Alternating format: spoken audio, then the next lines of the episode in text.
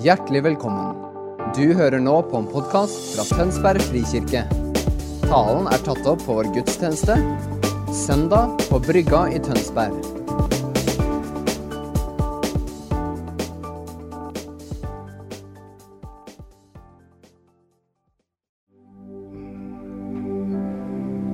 Tusen, tusen takk, Jesus. For din nåde, for din godhet, for din kjærlighet. Møter oss med hver eneste dag. Tusen takk for løftet i ditt ord, Herre. Om at ingenting, verken det som er i det høye eller det som er her, verken makter eller myndigheter, ingenting kan skille oss fra din kjærlighet, pappa Gud. Fordi vi er Jesus Kristus. Og Hellige Ånd, jeg ber om at du rotfester og grunnfester oss i den sannheten denne morgenen. Jeg er den som Gud elsker. Si det til deg selv. Jeg er den som Gud elsker. En gang til. Jeg er den som Gud elsker. Og La det være en type proklamasjon av en sannhet som du får lov til å si over deg sjøl igjen og igjen og igjen, inntil de orda begynner å skape og forme en virkelighet i ditt indre, som så tar form i livet ditt og mitt. Amen. Ja. Tusen takk, lovsangsteam, for at dere tar oss inn for tronen. Tusen takk. Klapp gjerne for det.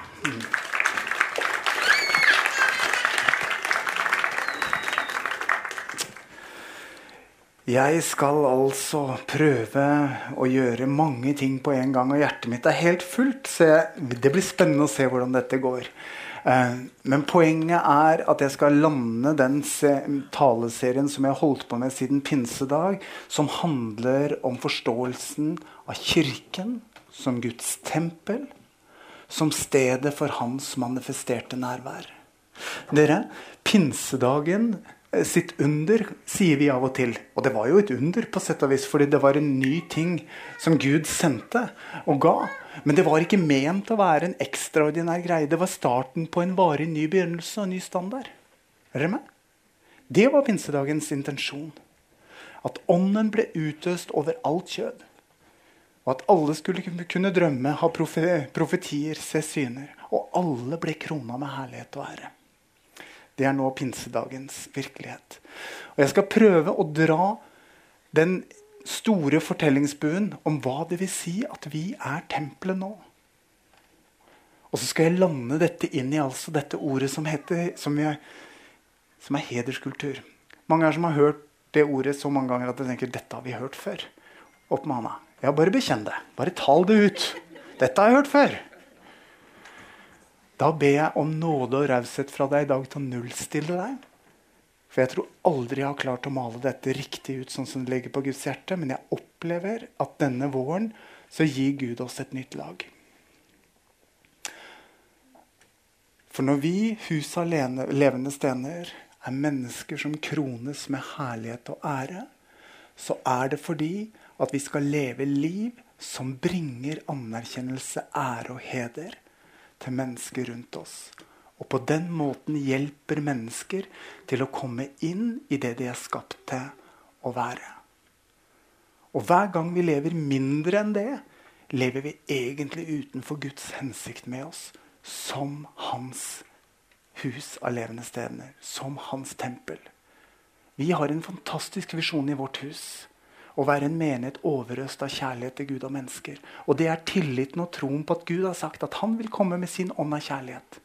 Og lande i vårt fellesskap og forme våre liv på en sånn måte at kjærlighet og anerkjennelse og oppreisning kan strømme ut av vår midte. Og dere, det strømmer ikke ut av vår bekjennelse. Det strømmer ut av våre liv. Og det er det vi lever, som vil være vårt ettermæle og vår sanne bekjennelse. Og Når vi har overskriften 'Skriv din historie med mitt liv' på hele dette året, så er det for at vår bekjennelse og vårt liv skal smelte sammen til en helhet. Og Jeg har lyst til å invitere deg til å tenke Jeg tåler ikke en eneste bekjennelse til noe som jeg ikke erfarer som sant i mitt liv. Og hvis mitt liv er annerledes enn det jeg bekjenner, så vil jeg endre mitt liv i tråd med Hans ord, så min bekjennelse og mitt liv kan bli ett. Kan det være vår bønn dette året, dere? Det er det Gud holder på med. Og, og, og jeg syns jeg ser det ene vitnesbyrdet etter det andre på at han har god kontroll, og at det er mye godt på gang. Men jeg skal prøve å undervise sammenhengen her, sånn at dere skjønner at hederskultur ikke er et appendiks for spesielt interesserte, men at det er himmelens verdisett levd ut mellom oss her og nå. Når Fadervårbønnen ber på jorden som i himmelen, så handler ikke det bare om Det handler ikke i det hele tatt om framtida. Det handler om Herre, må det som er sant i deg, må ditt verdisett bli tilgjengelig her og nå mellom oss. Og de eneste som kan bære dette fram og leve dette ut, er de av oss som holder dette for sant og sier skje din vilje i mitt liv, i min familie, i mitt ekteskap, i mine relasjoner, som i himmelen. Og Da har vi altså tatt opp det første bibelordet som en dagens tekst. Budet. Du skal herde din far og din mor. Det var i hvert fall det kateketen min sa. Det er mange tenåringer som har forstått budet ditt hen, er det ikke det? Og det er vel og greit. Men her er en nøkkel. Vi har humra litt over den. liksom, Ja, ja, vi får hedre vår far og mor, altså får vi et langt liv. Og så går vi glipp av den djupe, djupe åndelige sammenhengen i dette ordet, nemlig at dere, når vi hedrer hverandre, så forløser vi liv. Ikke bare over de vi hedrer, men over oss selv. Og dette har jeg erfart igjen og igjen og igjen. Når jeg kjenner Den hellige ånd komme over meg, og jeg får et ord for et menneske, og jeg forløser det, ah, så strømmer jo fornyende, forfriskende liv gjennom meg. Og så får jeg gleden av å se kanskje et litt hardt ansikt som tør opp i et stort smil i tillegg. Fordi at Guds kjærlighet får lov til å virke mellom oss. Dere, Når vi anerkjenner og hedrer hverandre, så forløser vi liv. Så ta ikke lett på det ordet. Det er på ramme alvor. Og det gjelder i forhold til foreldre våre i det fjerde budet. Men som vi skal se når jeg underviser resten av dagen i dag. Heder skal, er ment å gå i alle retninger. Et av de orda som er viktig for vårt hus, er jo dette ordet eh, Malakia 4,6. Vender fedrenes hjerter til barna og barnets hjerter til fedre. Det betyr at anerkjennelse og heder skal gå begge veier. Fedre og mødre. Dere er som portvakter inn til herlighet for generasjonen som kommer etter dere. Dere kan åpne døra gjennom å anerkjenne dem og tale ut det som er sant ifra Gud over de unges liv. Gjett om de kommer til å vende hjertene sine tilbake til dere igjen. Som en respons. Er dere med? Dette har Jan Helge prekt mye om. Men spørsmålet mitt, nøden min, eller nærmest formaningen min i dag, La dette som har vært sanne ord for oss lenge, smelte sammen med dedikasjon og handling i våre liv, sånn at vi begynner å leve ut det vi lenge har holdt for sant. Og erfare at Gud fortsatt er levende, nærværende i sitt tempel, som er hans kirke. Og skaper liv. Og gjenoppretter liv. Og løser fanger. Ja. Jeg, jeg, merker jeg fremdeles er i sånn paroler og overskrifter her. Dette er så viktig for meg. Dette er så viktig for meg. Jeg tror på et Gudsrikes gjennombrudd. Men det ser ikke ut som et radikalt karismatisk møte. Det kan gjerne snurre på gulvet for min del. Men dere, når liv gjenopprettes som en konsekvens av at Guds kjærlighet og herlighet beveger seg mellom oss, da snakker vi også. Da snakker vi. Og jeg skal vise dere i ordet hvor nær sammenheng dette er. Hederskultur er mitt ord. Jeg fant på det på en av mine turer til Bethel. Og de som ikke liker Bethel, har en, har en tendens til å hoppe akkurat der, men ikke gjør det. Ikke gjør det, vær så snill. Bli med oss. Fordi det Danny Silk har catcha i boka 'Culture of Honor' på engelsk, er en veldig god beskrivelse fra en familieterapeut og en sosiolog på et fellesskap som har latt Guds verdisett og Guds ord få kropp på en sånn måte at en tørr prest fra Norge ble overøst av kjærlighet på en sånn måte at livet hans ble snudd opp ned. Dere, Tønsberg kommer aldri til å fylle dette huset pga. våre dogmer og bekjennelser. Men de kommer til å fylle det pga. et kjærlighetsfylt fellesskap som gjør at de finner sannheten om seg sjøl og sannheten om Gud. Og det er du og jeg som ved våre ord og våre handlinger forløser det. Eldstebror gjennom mange ord, Knut Mørken, har et favorittbibelvers. Romerne 12. Jeg skal lese det. For det er dette det handler om her, dere. Derfor formaner jeg dere ved Guds barmhjertige søsken. Bær kroppen fram som et hellig offer til glede for Gud. Det skal være deres åndelige gudstjeneste.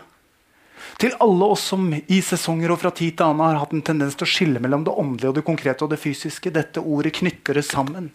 Det du lever, er din tjeneste for Gud.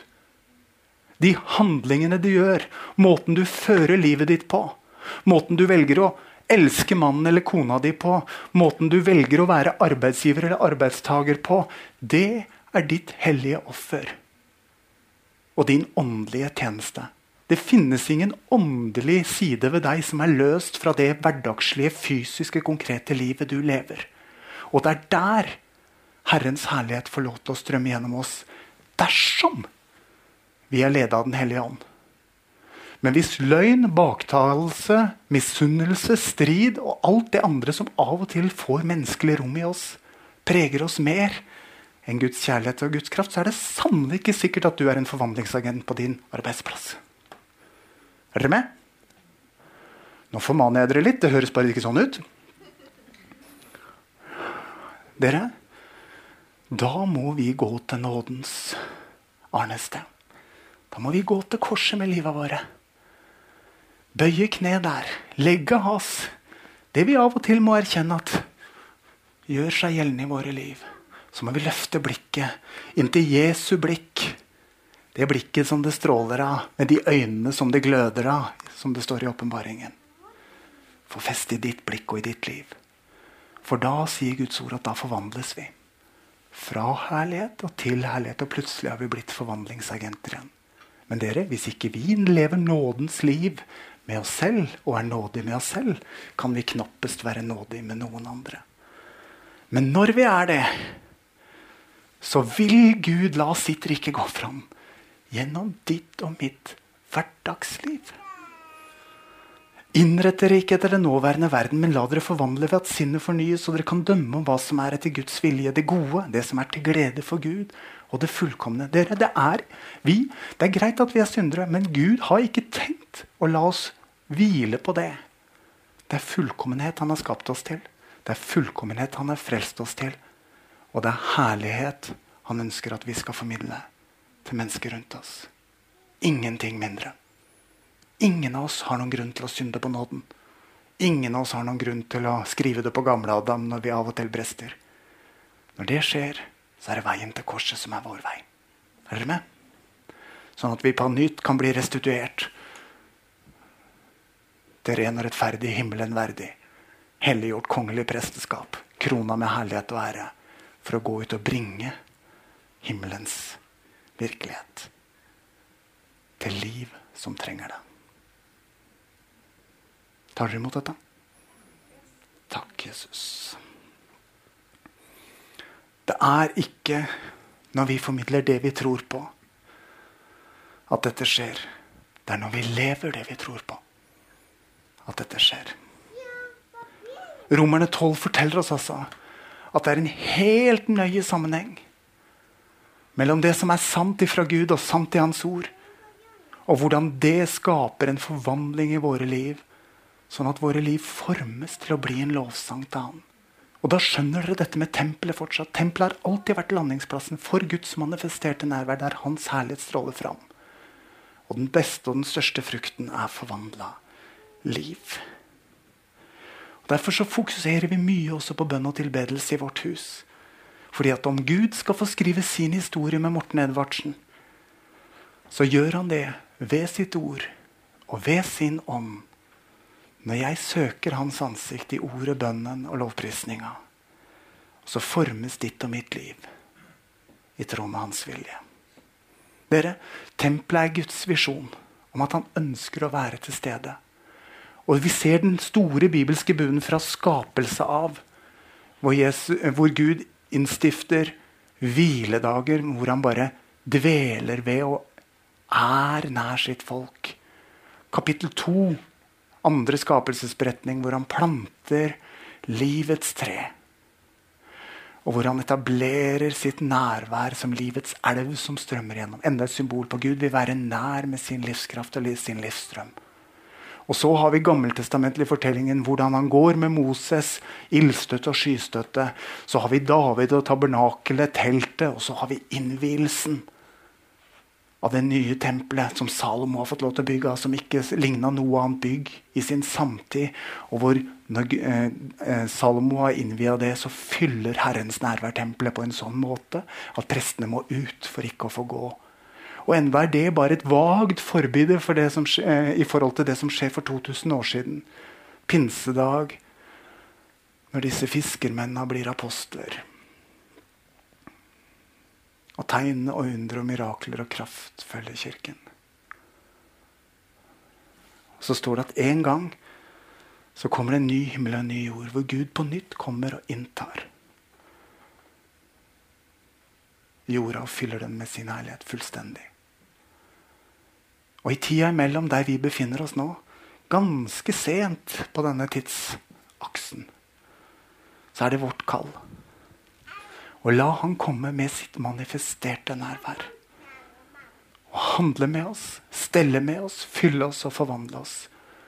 Sånn at våre liv blir til en sånn god lukt og smak av kjærlighet og herlighet for de andre som vi får lov til å møte i våre, i våre liv. Det er en nøye sammenheng mellom vår tilbedelse her og våre liv og våre handlinger der ute. Og hvis det ikke er det, så hvil ved Jesu føtter, ved nådens tromme, inntil Han får føye disse to virkelighetene sammen til ett for deg. Et liv i tilbedelse gjenkjenner at alt det skapte, er skapt for å ære Gud. Det fins ikke noe skille mellom åndelig og verdslig et liv i tilbedelse gjenkjenner at Jesu herlighet faktisk er lagt på oss. Jeg talte om Salme 8 for noen uker siden. At vi er kalt til å gi Han ære.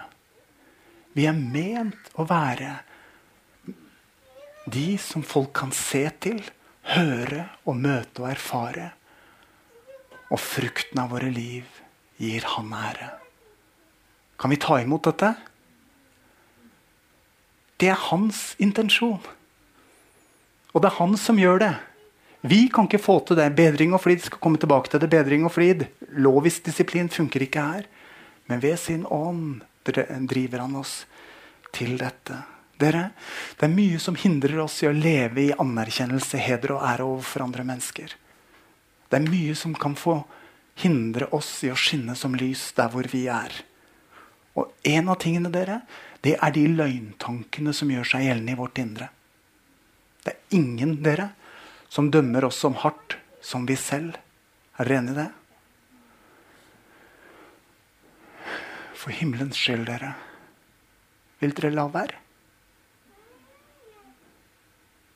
For himmelens skyld, dere, vil dere slutte å forringe det Herren har krona med herlighet og ære? For himmelens skyld vil du slutte å si ting til deg selv når du ser deg ting, eh, selv i speilet som bryter deg ned fremfor å bygge deg opp. For himmelens skyld vil du der du står i ditt arbeid, slutte å tenke at du er ikke så bra som de andre. Vet dere hva dette er? Dette er den motsatte forvandlingsagenten i aksjon. Han kan bare stjele, drepe og ødelegge. Han kan ikke skape noen ting. han. Men hvis han kan stjele, drepe, devaluere, mistenkeliggjøre, og spotte det Gud har skapt, så slutter å skinne. Og dere, hvis vi gjør det med oss selv, da klarer vi ikke å gi andre ære. For da går vi rundt og så føler vi at hvis Bente får for mye ros, så blir jo hun veldig høy. Og da blir jeg veldig liten. Så derfor så er det bedre med en litt sånn terrorbalanse. Litt sånn passe høflig, men ikke altfor mye, for da driver vi og balanserer. Hører dere det gamle, gamle menneskelige tanker her? Dette er ikke Guds rike. Dette er menneskelig sammenligning. Hvem er sterkest? Hvem er egentlig sterkest? Ok, jeg er sterkest her, så jeg kan være litt overøsende og raus med deg. Å, der kommer han som er mye sterkere enn meg. Da. Skjønner du? Dette er ikke Guds rike, dere. Dette er løgn. Og det har ødelagt og stjålet og drept og redusert Kirken til å være noe helt annet enn det Gud har skapt oss til å være. Og dere, Hvis ikke vi er noe annet enn en idrettsklubb og en syklubb, så kan vi slutte. Vi er et tempel for Gud i Den hellige ånd. Hvor han elsker å komme og forløse liv og sannhet og nåde til oss først, og dernest gjennom oss. Og når vi skjønner at vi er verdt å elske, så blir det plutselig lett å elske. For jeg skjønner at når jeg anerkjenner Camilla, som nettopp har blitt 30 For alt det fantastiske hun er for oss som er rundt henne, så blir ikke jeg mindre. Fordi at når vi anerkjenner hverandre og begynner å leve etter himmelens verdisett, så er det hele hus av levende steiner som løftes opp. Er dere med? For det handler ikke om Camilla. Hun er jo bare en stein. Men hun er levende, da. Det er bra. Men det er når du kommer inn her i bygget som heter Tønsberg frikirke, at hun blir en levende stein i et helt hus. Og når alle dere levende steiner begynner å anerkjenne de andre steinene, så løfter vi oss. Inntil himmelens verdisett faktisk blir vårt samhandlingsmønster. Dere, Den enkleste definisjonen på kultur er menneskelig samhandlingsmønster overgitt til felles normer og regler. Dette var sosialfag. Men kultur er menneskelig samhandlingsmønster. Nøkkelen er med himmelens verdisett. Dere, Hvis hver og en av oss blir forplikta på mitt liv skal være tufta på himmelens verdisett Og når jeg møter de andre i kjerka, så skal ikke jeg holde fast Bergljot, i det Kristus har dødd for i hennes liv. Hva i all verden? Matteus 18, kjære venner. Du er tilgitt alt. Hvem er du til å holde noen fast? Og Hvis du fremdeles syns Fem feil-leken er morsom, gå til Donald. Det jeg har sagt før. Ikke i kirka! Ikke i denne kirka, i hvert fall. Da blir jeg sint. Helt på ordentlig. Og det er hellig vrede, så det er lov. For dere river hverandre i stykker. Og dere får ikke lov. For nåden kommer for å gjenopprette det som var ødelagt. Reise opp det som var knust. La oss elske hverandre fram til gjenopprettelse. Dere. For himmelens skyld. Og for verdens skyld. Virkelig. Himmelens verdisett. Dere, isteden La oss gå til ordet for å se hvordan nettopp ære og heder, det å løfte hverandre opp, er Guds sak. Guds initiativ. Ikke noe vi har funnet på i nyere karismatisk tid. Det er himmelens verdisett å ære og hedre hverandre. Vi ser det. Faderen ærer sønnen. Når Jesus blir kjøpt 'Dette er min sønn, den elskede, han jeg har behag i'. Sant? Litt senere så ærer sønnen faderen. Jeg gjør bare det jeg hører, ser far gjøre, og jeg sier bare det jeg hører far si. Total anerkjennelse av ære. Er dere med? Ånden ærer sønnen. ved at han kommer med kraft og salver Jesus. Og Sønnen ærer Ånden når han sier 'den som går, begår en synd imot Den hellige ånd', osv. Ser dere? Ser dere hvordan den treenige Gud lever i gjensidig anerkjennelse og ære av hverandre? På det grunnlag alene kan vi slå fast at ære og heder, anerkjennelse, er himmelens verdisett. Sånn Gud den treenige lever i innbyrdes, fullkommen relasjon i kjærlighet. Sånn er også vi ment å leve. Og så ber Jesus da, i Johannes 17, og det er da vi kommer inn i bildet. Så ber han om at den herligheten han har fått av far, skal bli gitt til oss som er hans disipler. Ikke litt av den. Alt av den. Vi lever i en tid, dere, og det er jeg overbevist om Vi lever i en tid hvor Guds sønner og døtre skal gripe, få det åpenbart for sitt hjerte, sånn at de begynner å leve. Det faktum at vi er mennesker i Guds bilde.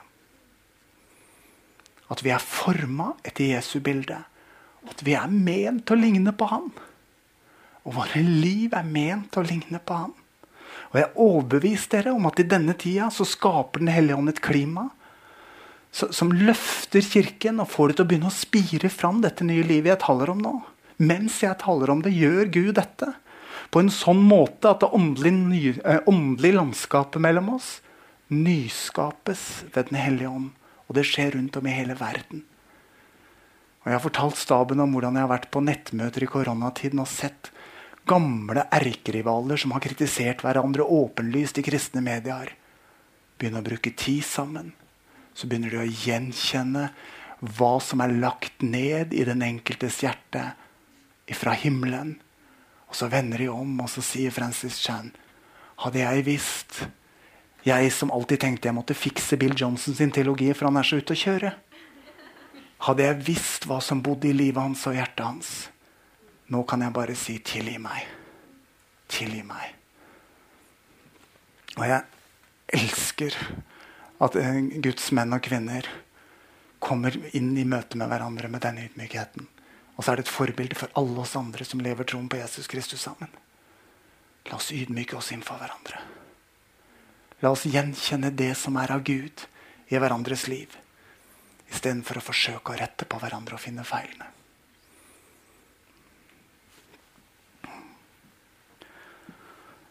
Vår visjon å være en menighet overøst av kjærlighet til Gud og mennesker, dere, er nettopp dette. Ser dere det?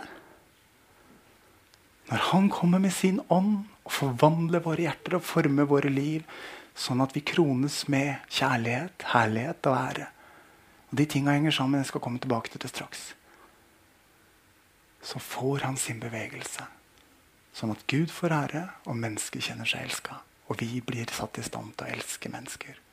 Det er ingen fluffy, fin overskrift over en menighet som trengte en visjonssetning i målstyringens 80-tall. Dette er en guddommelig visjon og et kall over huset vårt. Og Gud lar det skje nå. La oss ta med oss Johannes 17. Hør på dette her fra vers 22. Den herlighet du har gitt meg, har jeg gitt dem, for at de skal være ett slik vi er ett. Jeg i dem og du i meg, så de helt og fullt kan være ett. Er ikke dette nydelig? Og enhet og enighet betinger hverandre ikke. Det er fullt mulig å være ett og tenke ulikt. Det har vi lutheranere strevd mye med. Da skal verden skjønne at du har sendt meg, og at du elsker dem slik du har elsket meg. Far, du har gitt meg dem, og jeg vil at de skal være der jeg er, så de får se min herlighet, den herlighet du har gitt meg fordi du elsket meg før verdens grunnvoll ble lagt. Ser dere hvor fortetta dette er? Ser dere hvor nær sammenheng herlighet og kjærlighet byttes ut nesten som synonymer? Ser dere det? Og ser dere hvordan Jesus sier at 'jeg vil at de skal være der jeg er'? med andre ord. Vi skal være der i bønnen og tilbedelsen, i ordet og bønnen, sammen med Jesus. Hvorfor? Jo, for det jeg snakker om nå, er himmelens invasjon i verden. dere. Det er ingen av oss som får til det. Vi kan ikke bestemme oss for det engang. Men når vi blir der han er, og lar hans liv ved hans ånd forme og skape det han vil i oss, så er vi ett med han og ett med hverandre. Og så gjør han det vi kan drømme om, men ikke får til gjennom oss. Fordi våre liv blir en lydig respons på hans kjærlige invitasjon til å gå ut og elske. Gir det mening? Og da blir disse orda som vi også har brukt som slogans, Kolosserne 1 Gud ville kunngjøre for dem hvor rik og dette, rikt og herlig dette mysteriet er for folkeslagene. Kristus blant dere, håpet om herlighet. Vi har sagt det mange ganger som en fancy quote. Og så har vi kanskje sett for oss at ja, Kristus blant oss har håp om herlighet. Jeg gleder meg til Den hellige ånd bare kommer som, som ild. Liksom, er han her? Og så kan vi si at Tønsberg frikirke har catcha det, og alle kommer og ser hva Gud gjør her. Ja, kanskje, men kanskje ikke. Jeg tror mye mer at det begynner å gå et rykte om et folk som er grepet av hans kjærlighet og herlighet på en sånn måte. At å møte de folka forvandler livet mitt. Det er nesten som om Jesus er i byen. Og så er det akkurat det han er. Hm.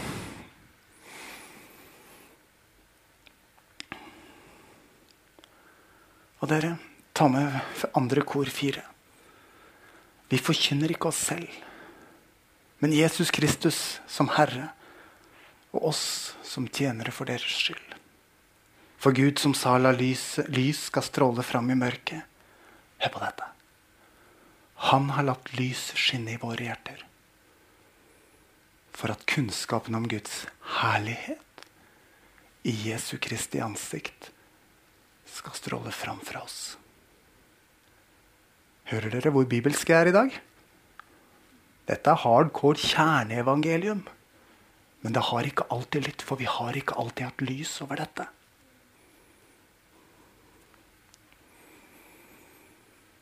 Dere, det er et hav av forskjell mellom lovisk strev i dette landskapet og et liv i Den hellige ånd, hvor Gud får skape den bevegelsen bare han kan. Og vi må erkjenne dere det. Alle mennesker har en tendens i seg til å være loviske. Alle mennesker har den tendensen til, i seg til å ville klare selv helt alene. Det er grunnsynet klare selv uten Gud. Nøkkelen i alt jeg preker om nå, er å være forankra i fellesskapet med Jesus Kristus og fylt av Den hellige ånd på nytt og på nytt og på nytt. og på nytt. Men det er en veldig menneskelig begreie å ville gå avsides og gå helt alene. Til og med sterke åndelige opplevelser har vi en tendens til å gjøre en rutine ut av, som vi prøver å repetere for å få det samme som vi fikk den gangen Gud suverent kom til å møte oss. Og så skjønner vi ikke at greia er ikke hva han gir, men den han er. Og det vi trenger, er de stadig nye møtene med han, ikke de samme gavene som i går. Klarer jeg å male for dere forskjellen på en helligåndsbevegelse og et lovisk greie da? Ikke prøv å standardisere og få til å finne ut på egen hånd. Men erkjenn for deg selv at du er helt og holdent avhengig av å være connecta på Guds hjerte. Å være connecta med Jesus Kristus på din måte. Ved Den hellige ånd, som har født deg på ny, og som stadig fornyer deg. Sånn at du kan leve livet ditt i ham. Da er det ikke strev. Det rare er dere, Folk kan gjøre akkurat det samme. Det kan se helt likt ut på utsida. Den ene sliter seg i hjel i et lovisk strev. Den andre gjør det i Den hellige ånd og er full av glede. Det er helt sant. Det er, det er nesten i relasjon til Jesus dere som i et ekteskap. Dere, Det er fullt mulig å bo i samme hus, spise de fleste måltider sammen, dele ekteseng og leve disconnecta med hjertene bort fra hverandre. Jeg har jobbet så mye med ekteskap og har vært gift så lenge at jeg vet det er fullt mulig.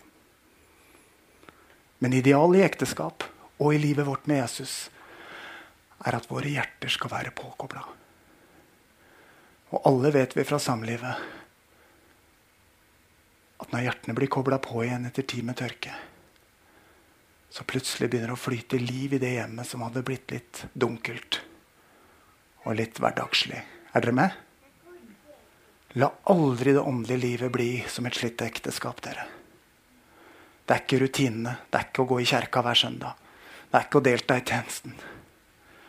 Men det er å være connecta med Jesu hjerte, sånn at nådestrømmen ved Den hellige ånd får lov til å fornye og forfriske deg hver eneste dag det handler om. Og bare det. Alt det andre er konsekvenser hvor han har kontrollen, og vi får være med. Og det er nåde. Vi kan motvirke den loviske tendensen i våre liv ved å bestemme oss for å leve et liv i tilbedelse hvor vi gir Jesus ære. Jesus, alt for deg. Anerkjennelse, oppmuntring og heiarop på menneskelig vis er i sin beste utgave bra, dere. Men i sin verste utgave kan det fungere som en sånn subtil måte å binde og kontrollere hverandre på. Er dere med? Overdreven ros, og litt sånn kunstig. Da har jeg liksom taket på Ja, ja, sånn virker det i det menneskelige. Men den hederskultur jeg snakker om, er en hellige åndsbevegelse virket av Den hellige ånd, som er kjærlighetsånd, som er himmelens olje som driver og virker det bare Gud kan i våre liv. Det betyr at når vi da velger med ånden som drivstoff å leve i anerkjennelse, heder og ære, så blir vi til et profetisk folk. Fordi at livet vi taler ut, er fra Guds hjerte. Og det er ikke bare hurrarop, men det er skapende ord som skaper det de nevner. Og da blir det plutselig veldig meningsfullt at vi regjerer, hersker med Kristus. Å herske med Kristus er å forløse liv som han ga alt for å vinne det livet som han forløser på nytt og på nytt.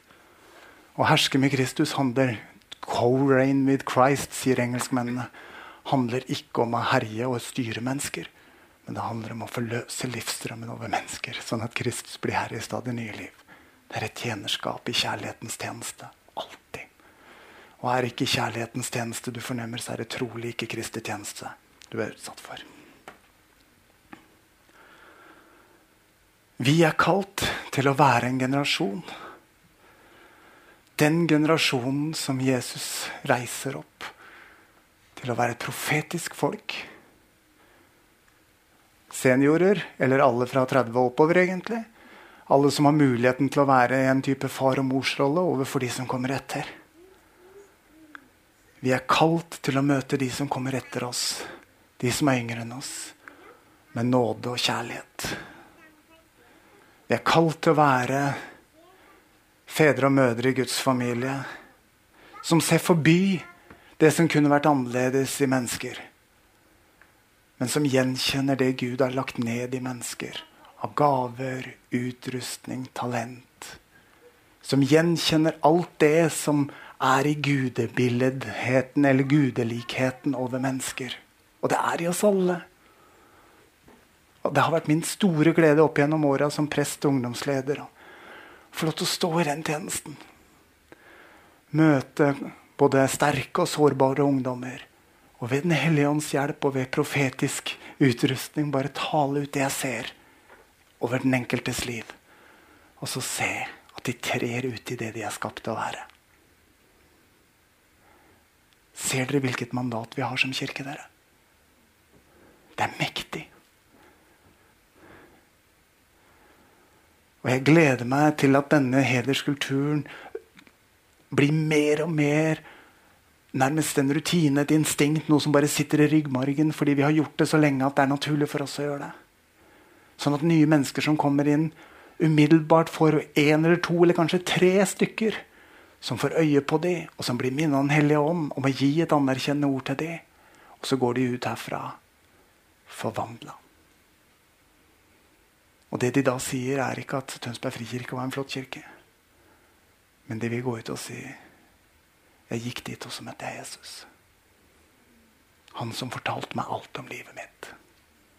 Og som ga meg håp for det livet jeg lever. Dette er the real thing, dere. Dette er kirke på høy oktan. Og det handler om, kjærlighet. Virkelig. Jeg skal begynne å lande. Det skulle jeg gjort for lenge siden. til og med. Dere, et siste litt formannende perspektiv. Det bringer ingen ære til pappa Gud at vi kritiserer våre søsken. Det har aldri velsigna mitt hjerte hvis noen av barna mine kritiserer hverandre overfor meg. Det skjer heldigvis veldig sjeldent. Men det har aldri velsigna meg. Det er sånn i Guds rike òg. Hederskultur betyr ikke at vi er naive overfor uønska atferd. Det betyr at vi konfronterer i kjærlighet. Med andre ord når uønska atferd skjer og mennesker krenkes eller såres, så tar vi de modige samtalene ikke for å arrestere, ikke for å holde fast, men for at nåden skal gå for rett. Og for at mennesker skal kjenne at her er det mennesker som bryr seg om. Og som bryr seg om så mye at de er villige til å utfordre meg på det jeg gjør, og som jeg ikke engang visste at jeg gjorde, men som såra noen. Og de gjør det ikke for å kritisere meg, men for å hjelpe meg til ny og fri vandring. Er dere med? Det er en helt annen tale. Men det er viktig å ha det med i konteksten her, så ikke, ikke det blir endimensjonalt eller livsfornektende.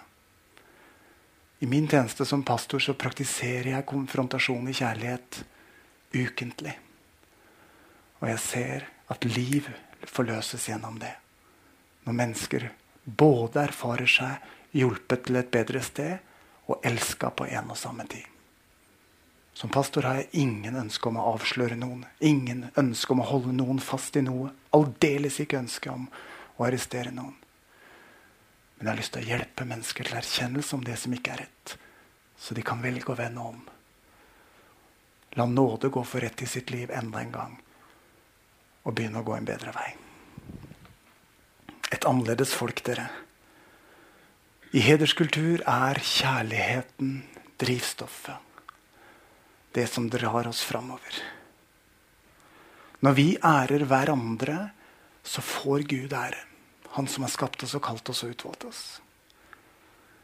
Når vi ærer hverandre på den måten jeg har beskrevet for dere nå, så er det Guds ånd, kjærlighetens ånd og profetisk ånd som virker mellom oss.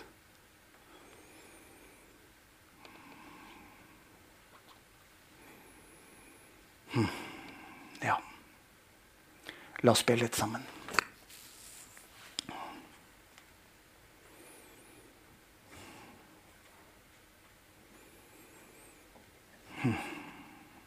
Det er ikke siste gang jeg taler om dette. Men jeg tror jeg har klart å komme lenger med det når jeg har talt om det i dag, enn jeg har gjort tidligere. Jeg håper det har velsigna dere, og at dere har fått noen byggeklosser å gå videre med. Jeg har lyst til å invitere til en bønnehandling før vi får musikk til ettertanke. Og den er på tre punkter.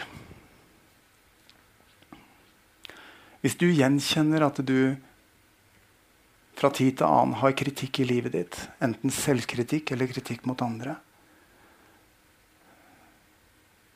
så er det en av de tingene jeg har lyst til å kalle fram og be inn i. Hvis du kjenner at det jeg har talt om nå, er noe som motiverer deg, og som du ønsker at skal la gripe, forme livet ditt og prege livet ditt, sånn at ditt liv blir en lovsang til Gud uansett hvor du er, så er det noe jeg vil kalle fram. Det handler om overgivelse commitment.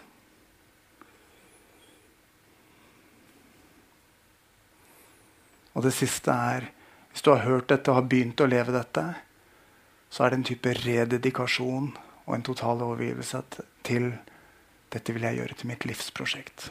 Dere, For meg er det sånn. Dette er grunnen til at jeg lever. Grunnen til at jeg kunne si ja til å komme til Tønsberg frikirke som pastor, var at denne menigheten hadde denne visjonen og denne trosvandringa med Gud som gjorde at jeg skjønte at ja, i rammen av dette fellesskapet kan jeg leve ut det jeg tror på. Å se Guds overnaturlige, naturlig overnaturlige herlighet og kraft stråle fram imellom oss. Så det forvandler liv, forvandler atmosfæren og forvandler kulturen. Først i en menighet, dernest i en by og dernest i en nasjon.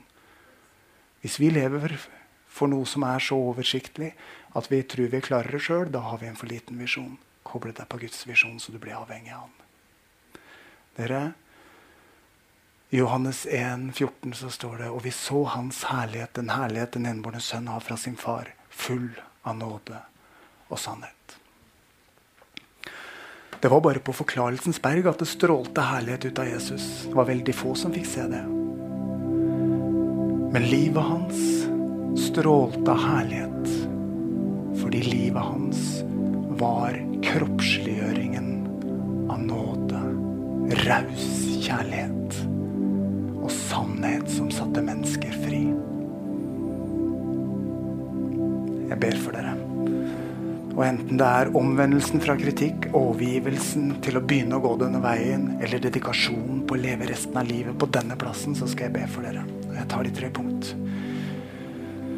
Jesus, tusen takk for din nåde, som er ny hver eneste dag. Og Herre, nå ber jeg om at du ved din gode Hellige Ånd kommer og fyller hjertene våre. Og at du tar imot oss, Herre. alle oss som fra tid til annen kjenner på kritikk og fordømmelse overfor oss selv og overfor andre. Jesus, for ditt navns skyld så ber vi tilgi oss. Tilgi oss.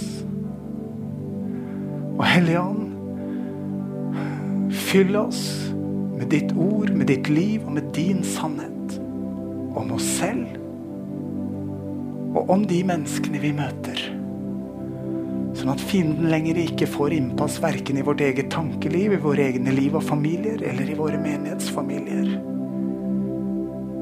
Fordi at nåde og sannhet får flyte i våre liv.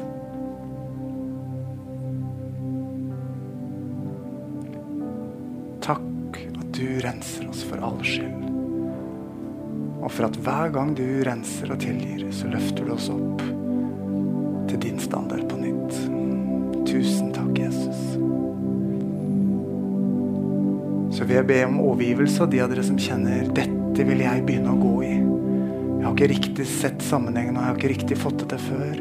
Men jeg vil leve livet mitt i anerkjennelse og heder til Guds ære og til velsignelse for mennesker. Hvis det er deg, så legg hånda på hjertet når jeg ber nå. Tusen takk, Jesus, for at du har grepet våre hjerter. For at ord og din virkelighet og ditt verdisett, Herre Jesus, Få lov til å fylle oss med en lengsel og med håp og med tro på at det er mulig. At himmelen kan gjennomtrenge jordas mørke inntil jorda vitner om din herlighet.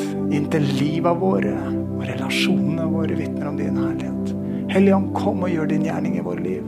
Forvandle hjerte og tanke og sinn. Fyll oss med din kjærlighet, sånn at vi møter med mennesker, både de som tror og ikke tror, blir en strøm av liv og anerkjennelse, nåde og tilgivelse.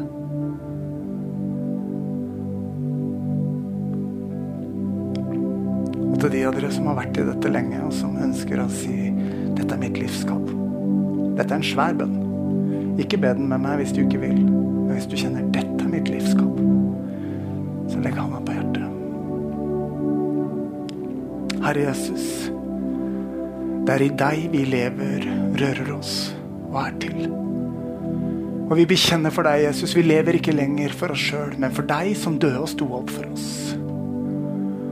Og nå kommer vi inn for deg, Herre, på ditt ord, som vi har delt i dag. Så sier vi, ta oss i eie. Gjør oss til et redskap for din kjærlighet, for din nåde, for din frihet og for din fred. La din herlighet og din kjærlighet fylle oss, forvandle oss og strømme gjennom oss på en sånn måte at det ryktes i byen, Jesus, at du er i vår midte. At himmelen, himmelens virkelighet, er tilgjengelig her og nå. Kom med ditt manifesterte nærvær, Jesus. Troen i ditt tempel ved din ånd av kjærlighet, herlighet, ære og kraft. La våre liv og vårt hus og vår menighet være et helbredelsens sted. Hvor tro, håp og legedom får flyte. Ha din vei oss, Jesus. Amen.